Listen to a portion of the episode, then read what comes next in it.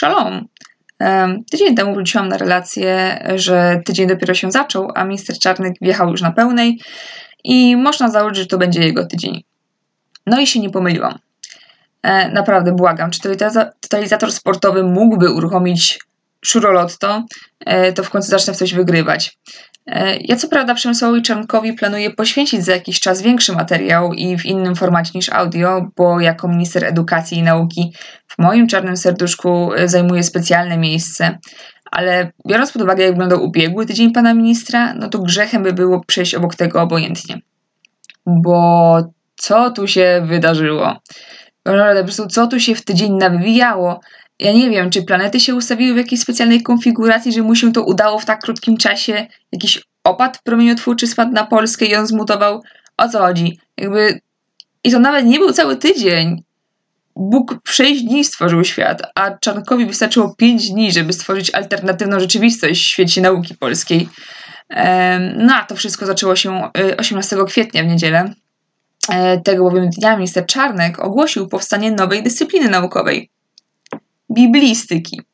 E, a data też nieprzypadkowa, moi mili. E, to wszystko było przemyślane, bo otóż, jak stwierdził sam minister, ten dzień to doskonała okazja na takie nowiny. E, tych wszystkich, którzy właśnie się zaczęli zastanawiać, czy może nie za mocno się spizgali na ostatniej imprezie i przegapili jakieś święto czy inne obchody, no to już tłumaczę. 18 kwietnia obchodziliśmy Piąty Narodowy Dzień Czytania Pisma Świętego. Tak, Minister Edukacji i Nauki łączy obchody czytania świętej księgi konkretnego wyznania z wprowadzeniem do świeckiego porządku, jakim jest nauka e, nowej dyscypliny naukowej, która dla nauki ma użyteczność, no taką średnią bym powiedziała. Ja tylko przypomnę, że według zapisów ustawowych Polska jest świeckim państwem, więc no, lol. Co do samej biblistyki, e, to nie jest tak, że ona jest całkowicie bezużyteczna z naukowego punktu widzenia. E, efekty pracy biblistów mogą być przydatne dla badaczy zajmujących się chrześcijaństwem, e, no bo jednak jak zajmujemy się jakimś wyznaniem, no to ciężko jest to zrobić rzetelnie, bez znajomości teologii tego wyznania. Natomiast, no właśnie tym biblistyka powinna być, czymś w rodzaju, nie wiem, jakiejś subdziedziny, czy jakiejś formy specjalizacji w obrębie innych nauk, a nie osobną dyscypliną naukową. E, zresztą w mojej opinii ta sama sytuacja tyczy się samej teologii. E, a jak nie mam to właśnie na wydziałach teologicznych, byłby ten kierunek prowadzony, znaczy będzie ten kierunek prowadzony.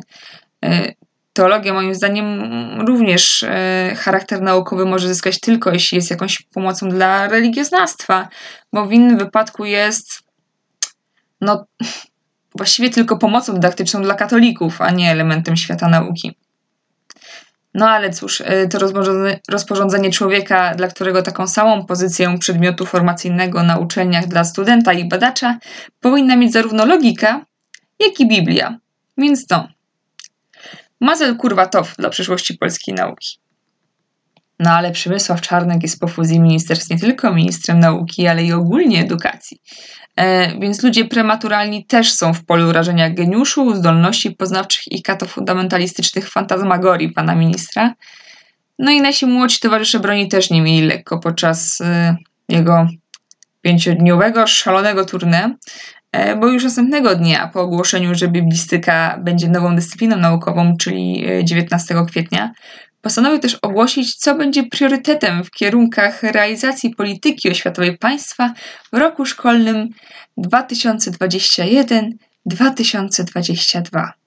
Otóż tym priorytetem będzie wychowanie do życia w rodzinie. Cóż, e, zaskoczeni? E, pewnie wielu obstawiało, że religia, e, a tu proszę, ale spokojnie, na to też przyjdzie pora. E, Przemysław Czarnek ogłosił także, że powstanie 10 bardzo silnych ośrodków do kształcenia nauczycieli wychowania do życia w rodzinie. E, ktoś by powiedział, serio? To jest teraz to, na czym powinien się skupić minister edukacji i to, co powinno e, co, co powinien ustanowić jako priorytet? Mamy pandemię, trzeba będzie ogarnąć całą sytuację po konsekwencjach nauczania zdalnego. No ale e, tam kurwa, pandemia, srenia, mamy poważniejsze kryzysy. E, bo oto mamy dobę kryzysu rodziny wskutek, zdaniem Czarnka, e, rewolucji komunistycznej. Ja to bym chciała przez dzień tak móc popatrzeć na świat jego oczami, naprawdę. E, myślę, że to by było ciekawe doświadczenie, jak kurwa lądowanie na Kejpaksie. E, ale żeby zrozumieć, z jak grubą jazdą mamy tu do czynienia, to należałoby się przyjrzeć samemu temu kongresowi nauczycieli e, wychowania do życia w rodzinie, żeby wiedzieć, co w takim razie czeka dzieciaki w świecie edukacyjnym przygotowanym im przez ministra Czarnka.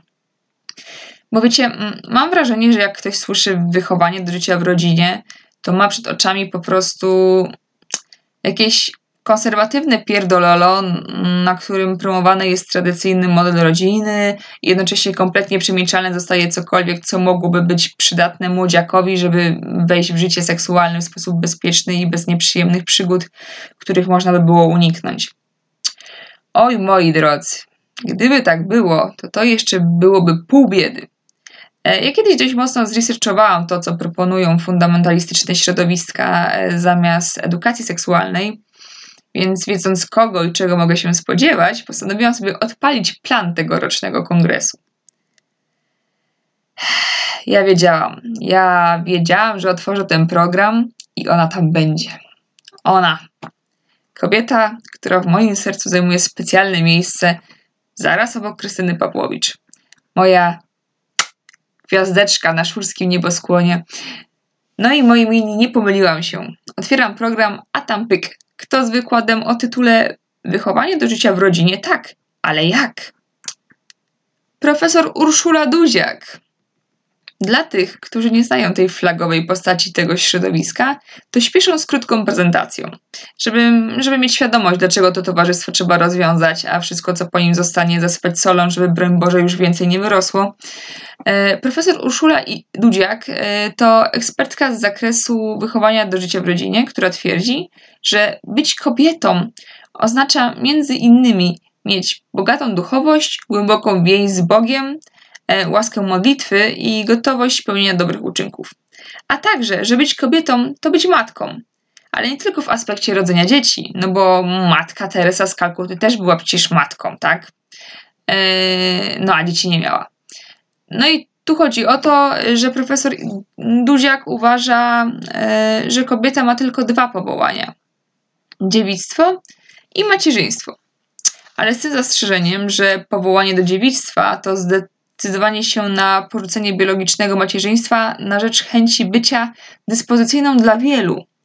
E, no bo tak to wiadomo, kobieta, która zostaje biologiczną matką, musi się od teraz skupić na, na dziecku i nie może tej matczynej troski, czułości i opiekuńczości rozciągnąć na wszystkich. A taka kobieta, która wybierze dziewictwo, może się temu w pełni poświęcić. E, przypominam, to priorytetowy kierunek do rozwoju w edukacji dla ministra Czarnka. No i ktoś by powiedział, że Czarnek mógłby już na tym zakończyć tydzień, bo już wygrał, już rozbił bank, wystarczy. Ale nie. I tak oto 21 kwietnia wychodzi świeżutka Gazeta Polska, na jej łamach rozmowa z Przemysłowym Czarnkiem i jak już grzmi podpis pod jego okładkowym zdjęciem, koniec z cenzurą na uniwersytetach. Ah shit, here we go again. E, czego dowiadujemy się z tej rozmowy? Mm, poza tym, że Przemysław Czarnek chce tworzyć dziecięce i młodzieżowe oddziały Ochotniczej Straży Pożarnej, żeby docierać do młodych z tradycyjnymi wartościami? No na przykład tego, że religia i etyka mają być od tej pory obowiązkowe. W sensie nie będzie już tak, że, że można nie chodzić ani na jedno, ani na drugie. Dziecko na którejś z tych dwóch będzie musiało chodzić. Nie jestem ekspertem, ale jeśli się nie mylę, to czy czasem tak nie było do tej pory? Albo jeśli dobrze pamiętam, to przynajmniej za moich czasów tak było, że trzeba było chodzić na etykę, jeśli się nie chodziło na religię. Y, no chyba, że w szkole nie miał kto tych zajęć etyki prowadzić, bo tak też się zdarzało. Wtedy faktycznie miało się wolne. Ale tak, ale tak jak mówię, no wydaje mi się, że tak było, ale ręki sobie nie dam uciąć. No i teraz coś, o czym niektórzy mogą nie wiedzieć, a moim zdaniem wydaje się kluczowe, żeby zrozumieć, e, w jakim kierunku zmierza nasz kraj i w jakiej sytuacji obecnie się znajdujemy. Bo ktoś mógłby się zastanowić, skąd to się u Dijawska nagle Czarnkowi wzięło. Dlaczego teraz nagle mu to wpadło i zauważył w tym problem? Otóż nie wpadło, tylko prawdopodobnie zostało ministrowi Czarnkowi wrzucone. Przez Ordo Juris.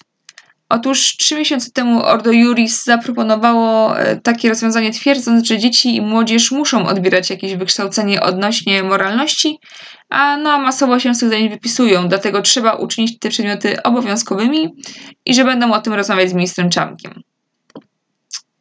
Ktoś mógłby stwierdzić, no kurwa, co te Ordo Juris pozwalają wybrać etykę, zamiast wszystkich zmusić do chodzenia na religię i kazać zaczynać każdą lekcję od nakurwiania różańca?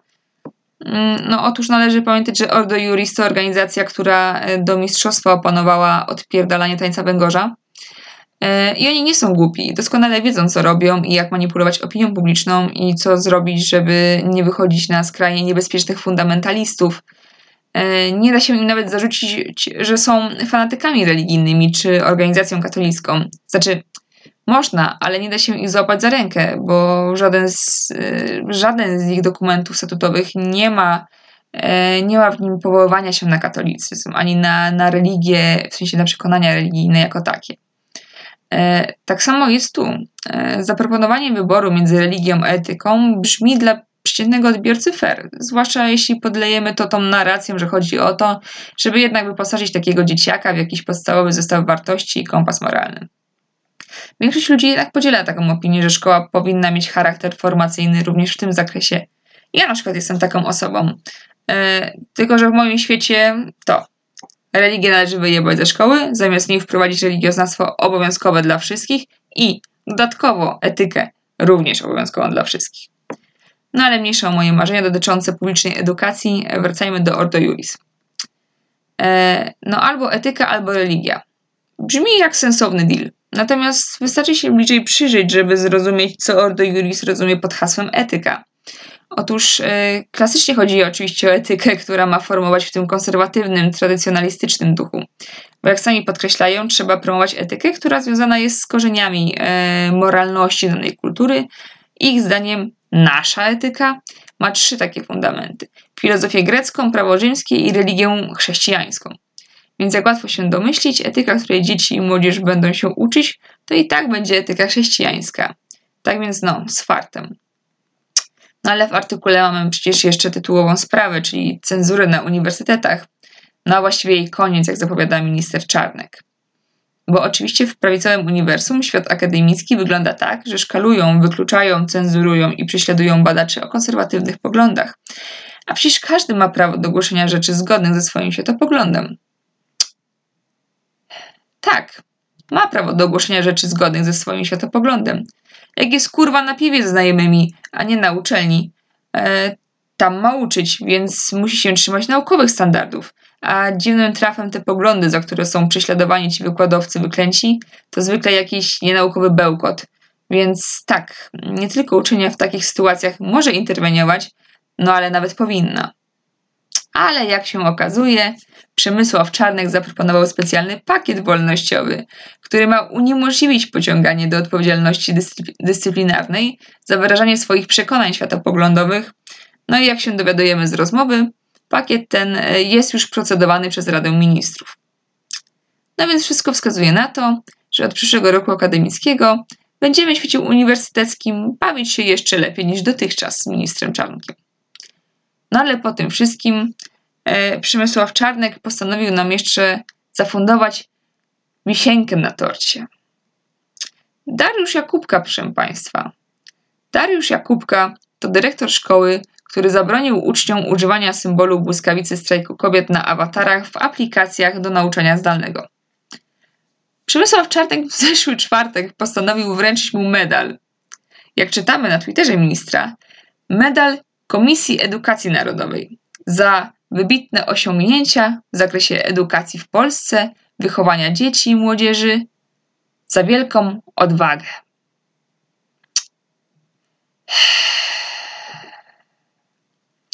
Na pewno doskonale kojarzycie te słynne prawackie pierdolenie, że hurdur, jak wybuchnie wojna, to przecież do obrony nie staną pedały w rurkach.